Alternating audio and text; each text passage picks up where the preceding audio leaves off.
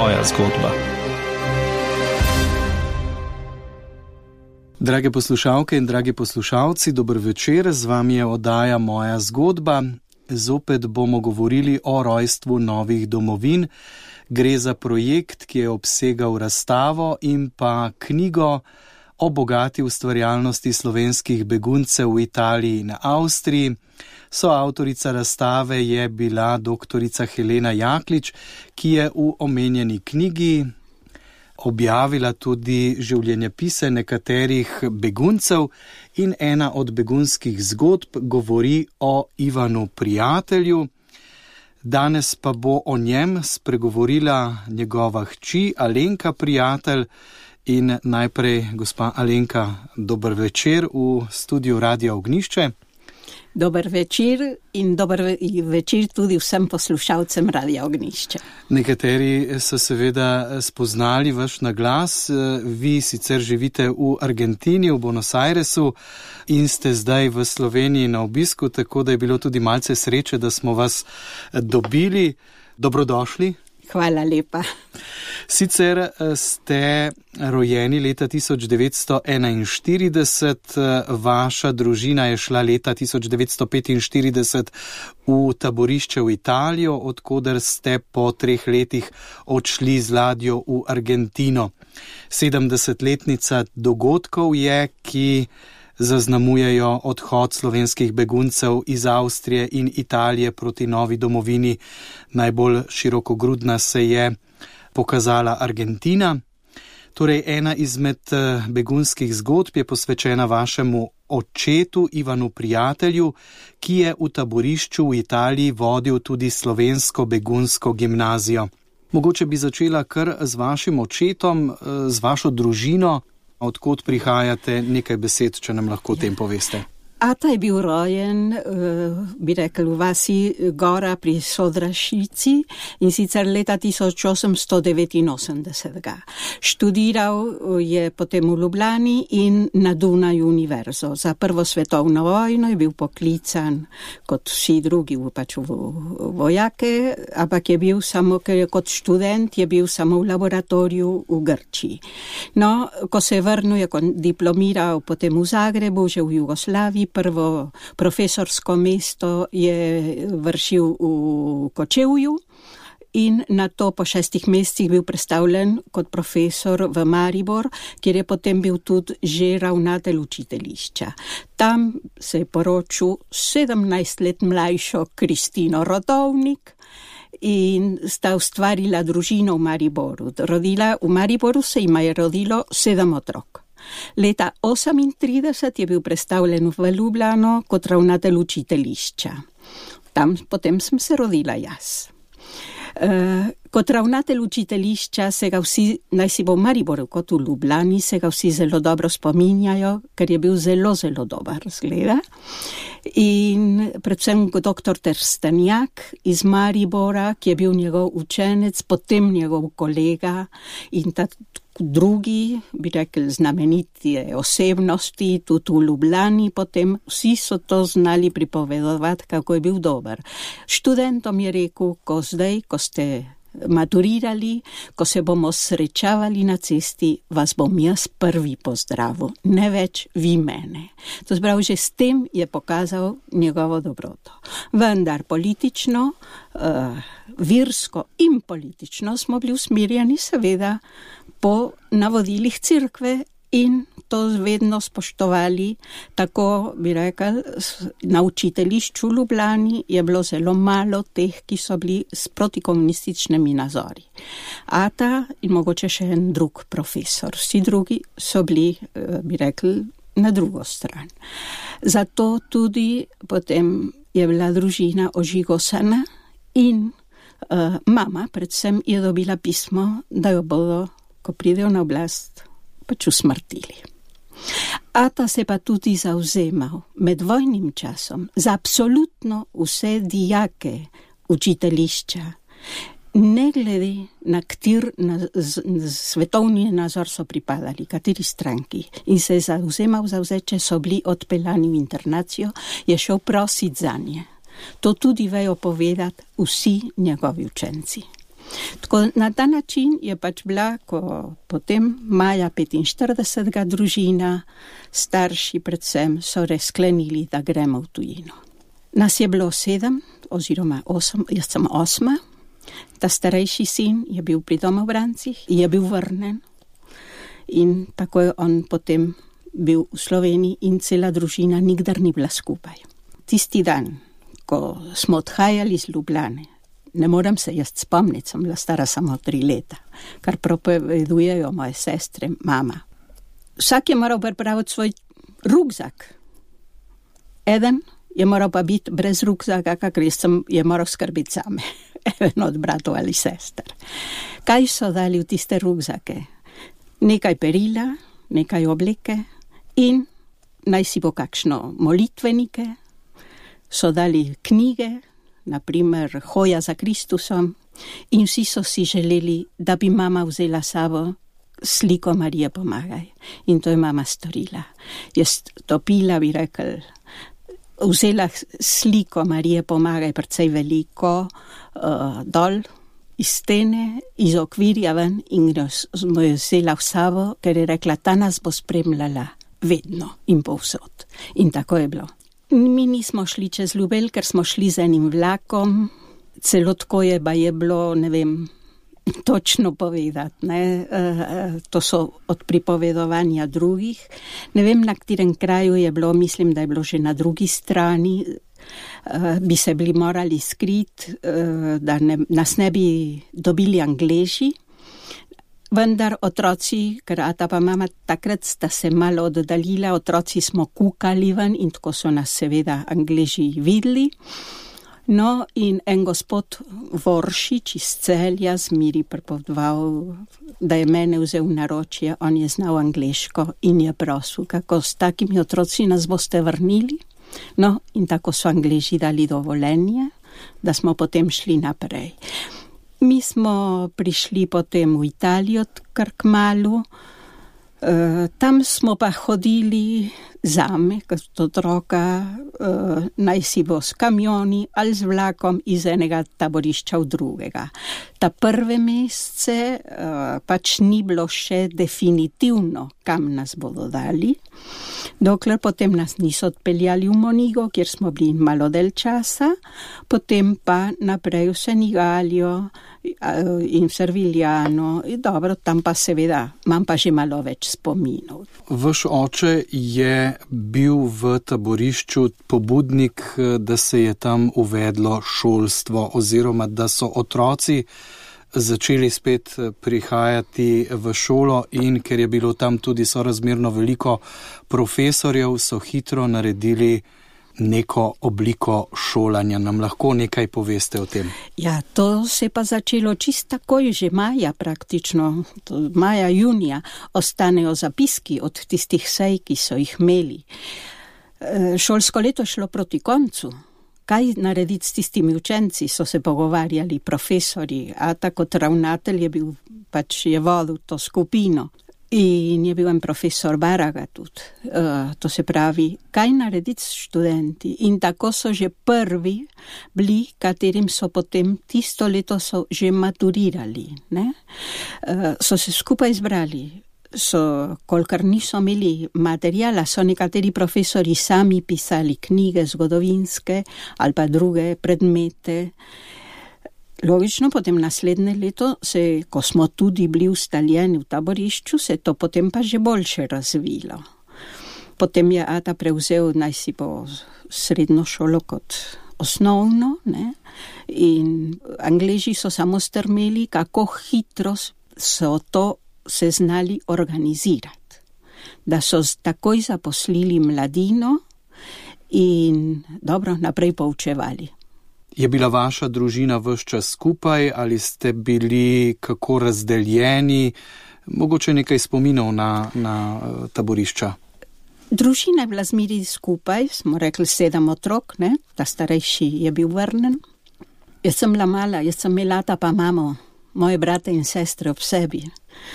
Uh, glede hrane, jaz nisem bila lačna, Ne vem, mogoče mi je kaj primankovalo, seveda mi je primankovalo, ampak to ni bilo za me. Jaz sem imela ata pa mamo ob sebi. Vse brate in sestre, starejše in mlajše. Uh, ko smo bili v Senegali, smo bili ob morju, to smo se mi lahko igrali, mirno. Je pa bilo potem tudi zelo aktivno kulturno življenje.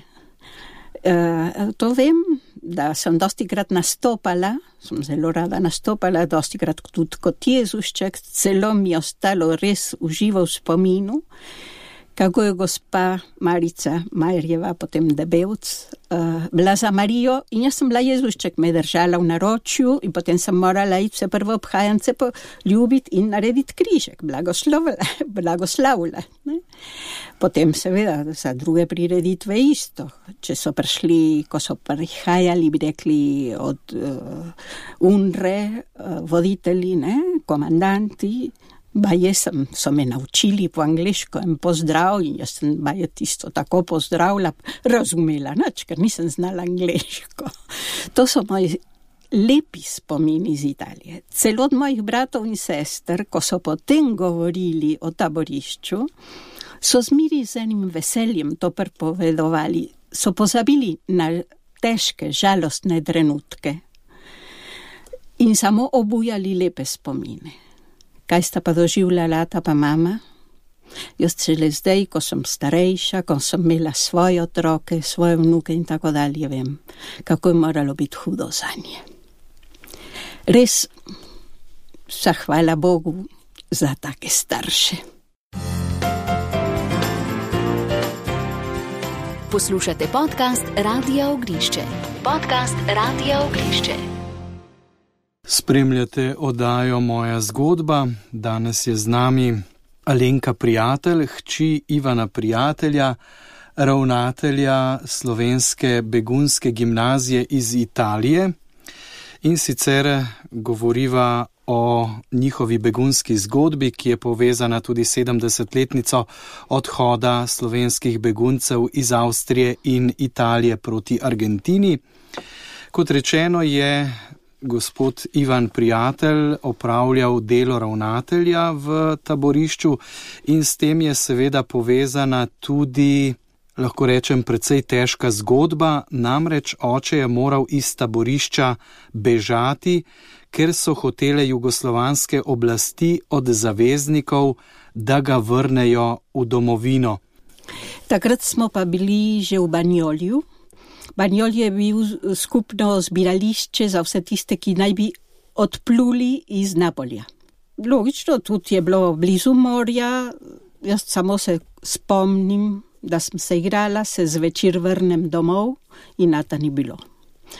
Jaz sem takrat rekla, da bom, so me hodili poslati spat, vsi je bilo nekam čudno vzdušje. Sem rekla, da ne bom šla spat, dokler ne vidim mata. Zgleda, da sem morala zaspati na klopi, ne na posli. Eh, potem so, kaj so mi drug dan povedali, jaz ne morem vedeti, se ne spomnim. Ata ni bilo. Eh, potem ja, takrat je Ata, potem e, večja skupina, ne samo naša Ata, so šli, odšli iz Banjolija v Rim na hitro in tam je bil en hrvaški frančiškan, ki jim je takoj uredil nove potne liste Rdečega križa, zato da so lahko čim prej s prvimi ladjami, ki so šli čez morje, odpluli. Tako vem, da je našata šel z gospodom monsenjorem Oreharjem, verjetno še kakšnimi drugimi osebami tudi, spremenjenim primkom, ne, imenom. In kakšen je bil greh, ki so mu ga očitali, zakaj je tako hitro moral zapustiti taborišče? Noč, iskali so, ker je bil protirežimski. Preprosto. Tistega hrvaškega frančiškana so potem v Trstu ubili, mislim. Na vsak način so ga šli v Italijo ubiti, ker je tolikem ljudem pomagal, da so rešili svoje življenje. To so bile težke zgodbe, ja. Nekateri so potem dolgo časa pustili na svojih potnih listih in si naredili argentinske dokumente s tem ponarejenim imenom, tako da se je zgodilo, da sin in oče imata drug primek, ker niso pravočasno tega uredili. Moj ata je to takoj uredil. Ne? Tudi monsignor Orihar, to so takoj uredili spremembo, ki so jo takrat lahko takoj uredili. Ne? Ker takoj, ko smo prišli v Argentino, so nam dali že potem osebne izkaznice in takrat si lahko izrabil tisto priliko, da si zopet ponovno pridobil svoje ime. Sicer pa vaša družina oziroma mama potem z ostalimi otroki pa ni odšla v Argentino preko Italije, ampak eh, ste odšli še vse do Nemčije. Kako to? Ker UNRA, ki je bila zadolžena za vse izseljence oziroma begunce, je takrat potem rekla, da naslednja ladja bo odšla iz Bremena, iz Nemčije. In potem je bilo treba iti na vlak zopet in vožna do Nemčije. Takrat eh, imam, bi rekel, spomine predvsem na fasungo, ki so nam jo dali za tri dni vožne. Morate računati, da takrat je bilo dosti mostov še porušenih. To se pravi, so dali kornet bifo, ne vem koliko, število ne vem. Mi smo bili Banjoli, Napoli, Južna Italija. To se pravi, kornet bif, za toliko vsaka je dobil, za toliko dni potem limone, se spomnim, in nam otrokom so dali čokolade. Mi, ker smo bile bolne, nam je potem dal doktor Kačar, ki je bil tudi potoval z nami. On je imel posebne škatle še čokolade in nam je dal celo en sestri Olgi celo škatlo čokolad. Mama je bila pa zelo gospodarna zmiraj. In je tisto, naj si bo hrano delila na male koščke, to, da nobeden ni bil lačen, ne sprašujte me, jaz sama povem, da nisem bila lačna. E, bratje so bili starejši, verjetno ja. Tista vožnja je trajala tri dni, iz Italije v Nemčijo, je ona tisto šla in zamenjala. To se pravi limone predvsem, kornet bifa, ki je kar je ostalo, in naše čokolade. In tako je kupila, oziroma zamenjala, ker to ni kup, za tiste čokolade in limone en šivalni stroj. Je rekla, jaz imam veliko družino, jaz moram, bom morala imeti šivalni stroj, en luster, pač kar so ljudje tudi ponudili. Ne?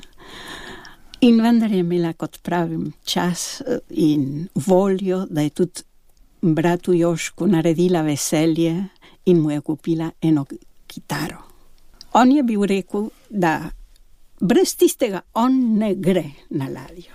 In tako mu je mama tisto prinesla. To se pravi, ne samo, kar je bilo nujno potrebno, mama nas je hotela tudi še posebej razveseliti, če je bilo v njenih močeh. Delala je čudeže.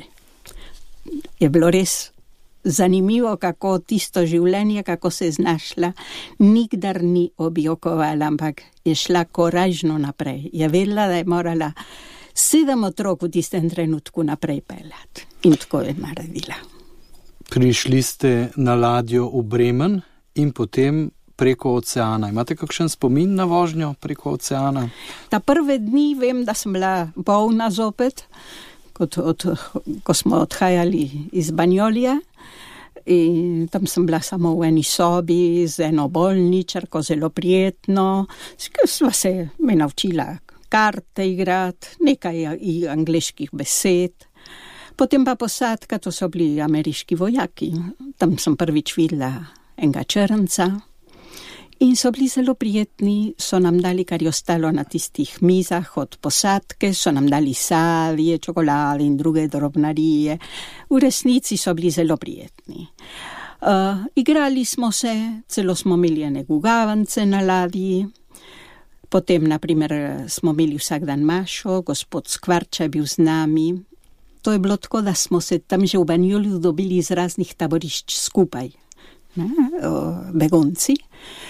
In naprimer koncert smo imeli na ladji, je bil pevski zbor tudi na ladji. In kar jih je pa ostalo mi v spominu, bila zelo mirna vožnja. Okrog otoka Santa Catalina, že v Braziliji, je bil zelo hud vihar.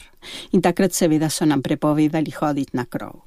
Ja, Ljudem je bilo zelo slabo v tistih skupnih vojaških eh, sobanah, kjer smo bili ženske ali moški ločeni. Če jim je bilo slabo, niso mogli biti, so šli in so ležali na krovu. Otrokom smo imeli prepovedano, vendar mi smo leteli po stopnicah, gor dol po hodnikih, pazili smo, da nas nobeden od podskatke ne odkrije. Otroke ne moreš prvezati, da dajo mir. -huh. Prišli ste v Argentino kdaj? 23. maja 1948. Takrat se je eh, začenjala zima tam. Ja, ja. ampak takrat je še nismo čutili. Smo bili še navajeni na drugo zimo. Uh -huh. Oče pa prišel kdaj? Jaz ne morem točno vedeti datuma. Vem, da je bil dosti prej, In on je potem dobil eno ponudbo, da je šel v provinco Tukuman, to je bi rekel 1100 km naprej, tam bi bil lahko profesor na univerzi, ki se ravno takrat ustanavljala, ampak je videl, da to ni primeren kraj za družino in bi bili tudi zelo ločeni od slovenske skupnosti. Zato je rajši prišel nazaj. In potem prva dela je celo delal nekaj časa na glavni postaji Retiro, železniška postaja to, in tam je vozil dvigalo.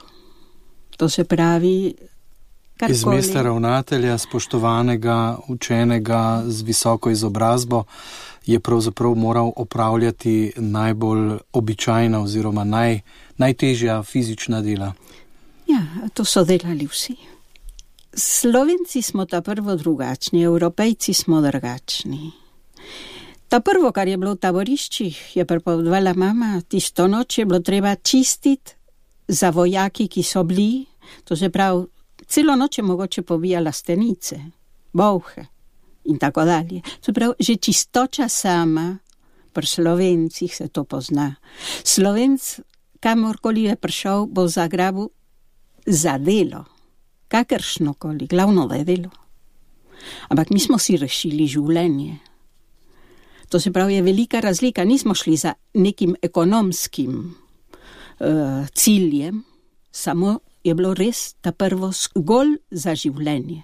Seveda, moraš pa živeti in takrat boš delal karkoli in je treba preživeti. Mama je tudi šla delati kot sluškinja. In pri zelo bogati družini, mama je hodila, ko je iz danes Koroške, bi rekel, ljudsko šole upravljala v Nemščini še. Je znala nemško, perfektno. Ne, je delala pri eni nemški družini, dobro, imela izobrazbo in vse. Ker je ta zadnja služkinja bila takrat, ki je prišla, je morala čistiti v tisti hiši samo stranišča. To ni bilo. Noben slovence zaradi tega ne bo počutil ponižanga, če ima delo. Meni se zdi, da to je ravno naš motor življenja. Poslušate podcast Radio Ognišče. Podprite nas in postanite prijatelj Radio Ognišče. Poslušate oddajo Moja zgodba, z nami je Alenka Prijatelj, hči Ivana Prijatelja ki je predstavljen tudi v knjigi Rojstvo novih domovin, bogata ustvarjalnost slovenskih beguncev v Italiji in Avstriji. Uh, gospa Alenka, ostala sva pri Argentini, pri uh, prihodu cele družine. Janez Hladnik, duhovnik eh, slovenski, je zelo zaslužen, da je Argentina takrat sprejela uh, Rekli so do 10 tisoč beguncev, potem jih je prišlo nekaj manj. Argentina se je s tem pokazala širokogrudna, predvsem zaradi tega, ker so sprejeli cele družine. Za razliko recimo od nekaterih drugih dežel, ki so želele samo neko fizično silo, tukaj pa so lahko prišli tudi starejši, tudi otroci in tako naprej. Mogoče nam še o tem poveste nekaj besed. Ja, gospod Janez Hladnik je res zelo zaslužen mož. Preko ene staro naseljenke, primorke vide, je on prišel do predsednika Perona in tako dobil to dovoljenje sprejem za vse begunce. Tudi je takoj stopil v akcijo, in začel pomagati družinam. Ko je prišel monsignor Orehar, je potem on tudi to prevzel, odgovornost. Naprimer, je hodil gospod Orehar po vseh zavodih in prosil, da bi vzeli nas otroke, naj si bo dekleta kot fante. Tako se je spomnil, je prišel en dan in je rekel, zdaj lahko odpeljem šest deklet. In tako smo šli, to se pravi tri sestre, potem pa dve lesarjevi in polona Maroltova, smo šli v en zavod, tam so nas prejeli za stojn. Gospod Orihar mi je ostalo v spominu živo, ko je rekel, zdaj grem pa, ker moram v drug zavod pelati fante. Ko je potem so začeli hoditi begunci iz Avstrije, tam je bil gospod Mrnik, Salezijanc, je bilo potem pa dosti lažje, ker so Salezijanci že veliko večino fantov lahko vzeli, ne, ker jih je prosil tudi en Salezijanc. Seveda, nekatere so odpeljali zavodi, so, niso vsi tam blizu v mestu bili. Ne? Tam v zavodu, naprimer, mi smo delali čisto v centru, smo pomagali tudi uh, delati, čistiti. Ta prvo leto, to se pravi, pri nas se šola začne od marca do konca novembra, naši starši niso imeli kje biti smo bili več družin v kakšnih hišah in zato smo hodili samo enkrat na mesec domov. Druge so lahko hodile vsak teden domov. Nekatere gojenke, če so bile iz notranjosti države, pa tudi enkrat na mesec ali pa celo ni, samo enkrat na leto za počitnice. No, mi smo hodili enkrat, da so nas prišli iskat, potem počasi se začneš navajati na to, da si iz družine ven. Vendar jaz sem imela dve sestri, tako da nisem bila čisto sama. Ne? Najslabše je bila Polona, ki je bila sama. To se pravi, vsak otrok, ko je, čut, ko je stran od staršev, se čuti samega. Ne? Ampak vseeno, Argentinci so pa zelo, zelo dobri bili. Jaz vem, da so me tudi povabili en konc tedna, me ena gojenka, starejša, tako srednja šolka. No? Vzela, prosila starše, me vzela domov, da me pelala in so zelo ljubeznivi. Uh, drugi so pač morali, če niso imeli te sreče, da so tako prišli v zavode, so pač morali potem pri kakšnih družinah biti ali pa so potem nastale te skupne hiše, kakšna velika hiša, če je bila, eh, da je bilo več družin notri in celo tudi so pod stopnicami bili. Vsaka družina je imela samo eno sobo, mogoče je bilo eno stranišče v celi hiši. Tako so eh, bili težki časi. Katerih... Ampak tako je prišla tudi izobrazba, ne? s tem, ko ste prišli v, v ta zavod. Ne? to se pravi. Ja, meta male je prišla izobrazba, to smo lahko nadaljevali študije. Moje starejše sestre so se morali vse zaposliti, da je lahko družina zaživela. Ta prva je šla najstarejša de sestra delati kot sluškinja, prav iz hotelin migranta še. Uh, brata sta pa bila uh, Jožek pa Franček, uh, so fante vzeli kot zidarje blizu letališča. Uh, Franček je imel pa očala, pa ga niso vzeli. Zato potem je dobil mesto v tovarni Nestle in tam je bil en staronaseljenc, ki je kmalo z njim se pogovarjal, potem je pa rekel, veste kaj, ta fant je učitelj, zakaj ga imamo tudi kot delavca, dajte ga na boljše mesto. In tako je potem malo boljše prišel na mesto. In to je bilo, so bile njegove sanje v Italiji, ko nismo nič imeli, ko so fantje ministrirali, so dobili neki denarja od gospodov, ker so gospodje so dobivali intencije iz Severne Amerike. Naša dva sta zmirila tisti denar mami za naše potrebe družinske. No, in Franček si je zmiri želel, ja, nikdar ne bom mogel dovolj sadja jesti v svojem življenju, to se mu je končalo. In sladkarije, to si je tako želel. No, potem je pa bilo, da je delal v tovarni Nestle, tam je lahko jedel, kolikor je hotel, ven nismo nesti tega bombona. In sadje smo pa tudi hodili kupavati, ker so bile ladje prpelale uh, tam sadje in si šel na tiste ladice uh, s temi rugzaki še, ki smo jih prinesli sabo iz taborišča in tam so šle po, ne vem, 20 kil, mislim, je imela vsaka tista košara v rugzake, notri so jih dali, tako da sadja nam nikdar ni manjkalo. uh, Gospod Lenka, kdaj ste pa izvedeli, kaj je bilo z bratom, ki je bil pri domobrancih? To je pa, mislim, bilo, ne morem reči točno, ali je bil 49 ali 50 leta. Takrat je bila slovenska pisarna, eh, smo rekli, ulica je Viktor Martinez, eh, zraven je bila potem župnija Sveta Julija, tam smo imeli naprimer maše tudi lahko in so ti dali to hišo župnijsko na voljo za nekaj mesecev in tam bi rekel, so potem imeli pevske vaje tudi že in enkrat pride sestra, pa ona reče, mami sem videla tam na oglasni deski, da je bila ta pa ta sodba in je tudi napisan en Ivan prijatelj. E, ko so bili jezuitski procesi takrat, ker on je bil pri jezuitih kot novinc in takrat je potem bil zabrat. Takrat smo pa začeli pošiljati, mama je takrat začela takoj pošiljati pakete sestram, da so njemu nosile, da mu je s tem malo olajšale življenje. Ampak to ni bilo novo, ker so tudi že tukaj v Ljubljani to delali za interniste med vojno.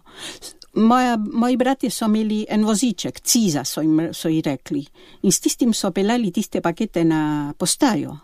Tako da potem je bilo tam v Argentini isto. So naredili en voziček in smo pelali tiste pakete do, na postaje ampak potem je bilo treba iti še v mesto, ne, ne samo do naše postaje. Ta prvo je bilo, so bili paketi za brata, ki je mama oddajala, seveda potem so gospodje prišli, prosili za starše, če bi oddala, z velikim veseljem je to mama dela, potem so pa še drugi prišli ljudje. Je brat dobil tiste pakete? Ja, ja, to so sestre, ker so sestre dobivali, mamine, sestre, naše tete, so dobivali tiste pakete, prejemali in so mu nesli, kar so. Mama je tudi zmeri za vse skrbela, tudi za te svoje sestre, ker tudi sestre so imele težko življenje tukaj. Ste se srečali potem kdaj? Ja, seveda. Ma to so bile čudovite ženske, moje tete, vse in tudi bratranci in sestrične. Poslušate podcast Radio Ognišče. Podcast Radio Ognišče. Spremljate oddajo Moja zgodba, z nami je Alenka Prijatelj, hči Ivana Prijatelja, ravnatelja gimnazije iz Italije, begunske gimnazije, seveda o njihovi begunski poti, govorimo ob 70-letnici odhoda v Argentino. Slišali smo, da je bilo življenje v Argentini sprva precej težko, seveda najprej je bilo treba rešiti življenje, potem si urediti eksistenco, no potem pa seveda Slovenci ne bi bili Slovenci, če takoj ne bi že začeli s kulturnim udejstvovanjem, kulturnim in verskim. Vi ste bili v Buenos Airesu, in tam se je naredila kar taka velika eh, skupina, ki je vzdrževala tako kulturno življenje, postavila svoj kulturni dom in tudi vi ste bili na kulturnem področju vse čas aktivni. Ja, eh, že ko sem bila, bi rekla, študentka oziroma v osnovni šoli, se je začela slovenska šola, to pa takoj že konc 48. leta osnovna šola, ki, ko so učiteljce hodile potem tam, kjer so bili otroci. Niso še imeli skupnih domov, naj prostorov, ne nič. Učiteljce so tja hodile, ko, predvsem, ko so potem prišli številno begunci iz Avstrije, se je to takoj organiziralo. In uh, dušno pastirstvo je dalo to pobudo, in to je bilo res aktivno delo. Gospodične so hodile med tednom delati v tovarne 8 ur, skrbele za preživetje svojih družin in ob sobotah in nedeljah skrbele še za otroke. So prav, so oni so delali tudi pisale zvezke, naredile, eh, pripravljala berila, kolikor so jih je bilo potrebno, na ciklostile, kot kar smo pač takrat imeli v skromnih, res bi rekli skromnih eh, razmirah, kot smo živeli. Potem pa tudi Ata, bi rekel, vsa družina se je udejstvovala aktivno, Ata je bil predsednik starešinstva, društva starešino, bi rekel, akademikov.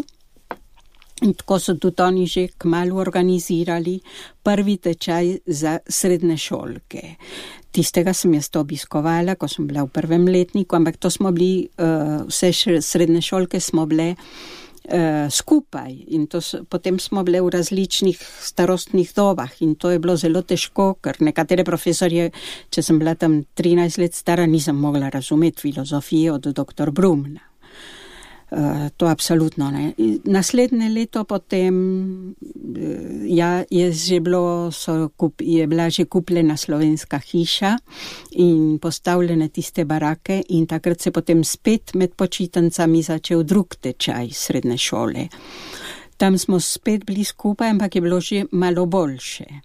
Tako da sem hodila, naj si bo na začetek srednje šo, ljudske šole osnovne šole v Argentini kot začetek vsega srednješolskega delovanja, tudi ko je gospod Marko Kremžar potem začel z literarnim krožkom, aktivno tam hodila, zmiraj smo tudi morali mi pripravljati, sodelovati pri raznih prireditvah, od prodaj tombolskih kartic do čiščenja in do nastopa, vse tako smo bili navajeni. Sej naši starši so tudi delali to v Sloveniji že prej. Tista aktivna društva, ki so bila v Sloveniji, so se samo nadaljevala v našem izseljeništvu, nič drugega. Zaradi tega prvič, ko sem prišla v Slovenijo, sem to čutila, kakšno bogatstvo je zgubila Slovenija, ko ni več teh društev. Potem v šoli, seveda, uh, se potem začel redni srednješolski tečaj. Iz tistega literarnega krožka je gospod Marko potem moral povabiti druge profesorje, ker je bilo treba, je prihajalo zmeri več otrok. Jih je bilo treba razdeliti v dve skupini, v tri skupine in tako je nastalo petletnikov, sporedno z argentinsko šolo. Seveda, jaz takrat že nisem bila več tam. Ampak uh, to se, je, se nam zdi še danes, da je čist naravno.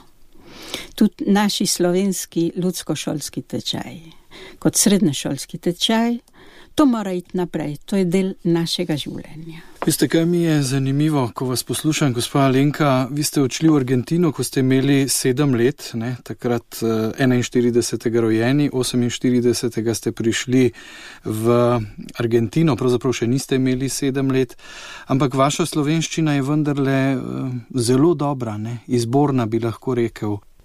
Ta prvo je, gle, zmeri slovenščina gre usporedno z družino. Če družina govori slovensko, se bo to ohranilo. Ata je študiral na Dunaju. Dosti njegovih kolegov so se poročili z Nemkami. Že ko so prišli v Slovenijo, v Mariboru, jo mama prepodvala, so bili oni zavedni slovenci in tiste Nemke so morale se naučiti perfektno slovenščino. V Mariboru se je govorila lepša slovenščina kot v Ljubljani. Zato, ko je družina prišla v Ljubljano, so baje, eh, ta prvo Ljubljančani se malo norca delali iz naših bratov in sester, kako so govorili. Potem pa tudi, dobro, profesorka družina je razumljivo, da bomo govorili slovensko. So napake, ki jih imam jaz, ker nisem hodila tako v slovensko šolo, čeprav v Argentini, ja, pa se nisem zaučila sklanjatev in takih podrobnosti slovničnih. Imam na velike napake, jaz osebno. V familiji, a ta je enkrat obupal in rekel: Mate, ne bom mogel nikdar naučiti, ko me stalno popravljal. Španščina nima dvojine Tako da dvojina je zelo težka. Dobro, pustimo to, dvojino. Ampak, eh, dobro, dosti beremo. Potem, ko sem se poročila, to je bil tudi Jože Poznič, eden izvrz, izmed najboljših učencev tukaj v Škofovih zavodih za svoj, svojega časa, je tudi znal perfektno slovensko, to se pravi, moramo govoriti slovensko in potem bodo naši otroci dobro znali. V družinah je zanimivo to, tiste družine, ko so prišle v Argentino in so hotele čim prej se naučiti španščine, doma so govorili slabo slovensko in slabo špansko. Tisti, ko smo govorili doma slovensko in ko so, smo se v šoli naučili španščine, je potem velika to, da si se pravilno naučil enega jezika kot drugega. To mislim, da je povsod tako. Če ti ne znaš pravilno, pusti, da te nauči tisti, ki zna. Ne? In to smo videli, da obstaja to. In tako bi rekla, moji vnuki zdaj tudi govorijo slovensko, ne samo tukaj v Sloveniji, oni v Argentini. Gospa Alenka, še skleniva vaše, vašo pripoved, vašo begunsko zgodbo, oče in mama, kaj sta počela na koncu, kako ste uh, se vi znašli potem v življenju. Vi ste mama sicer od duhovnika Andreja Pozniča, ki je seveda uh, prišel tudi v Slovenijo in je zdaj uh, župnik uh, v Ihanu. Mama je morala potem delati doma, so kupili štrik mašine in je štrikala, trdo garala. A ta je pomagal, ker je bil tako starejši, potem nekaj časa je imel službo, ker se nismo znašli, ni prišel do pokojnine, ko bi bil lahko v resnici. Nekaj let dela je tam imel.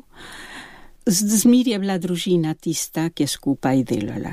Smo kupili tudi potem zemljo, se zidali svojo hišo, in dolgo let potem vsi zaslužki so šli za to.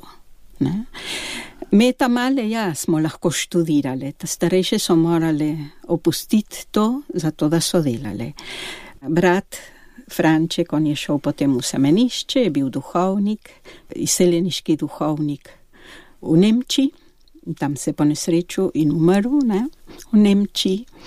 Mama je bila takrat potem pri njemu, ena sestra je že šla potem k karmeličankam, ona je z Mili to želela od Mauga, je ta prvo pač uh, delala in garala za preživetje, za družino, je vedela, da ona bo lahko šla, ko bo to malo bolj ustaljeno.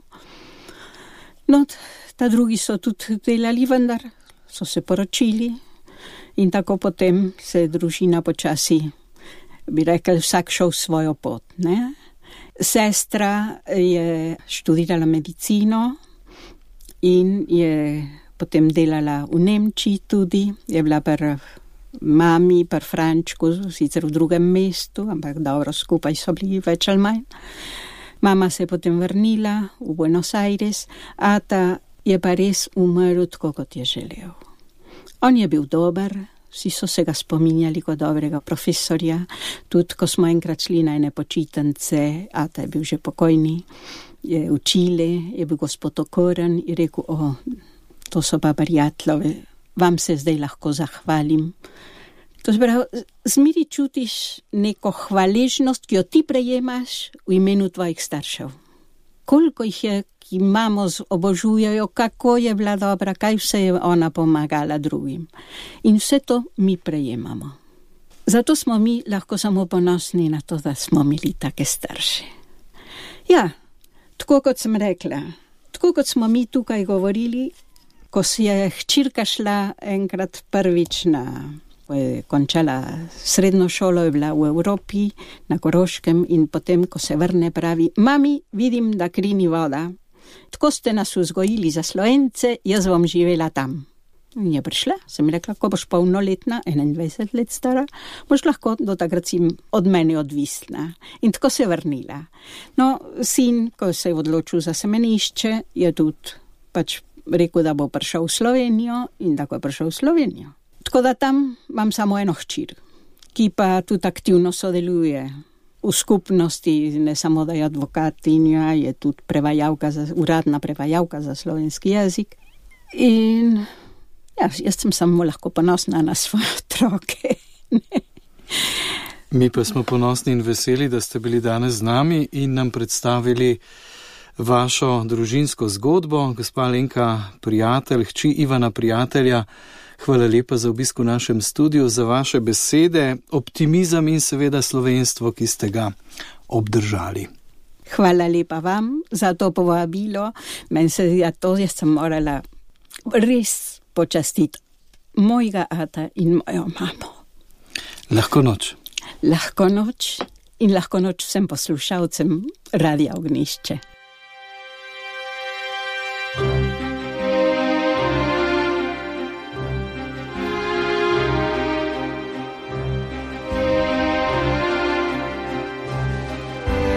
Moja zgodba.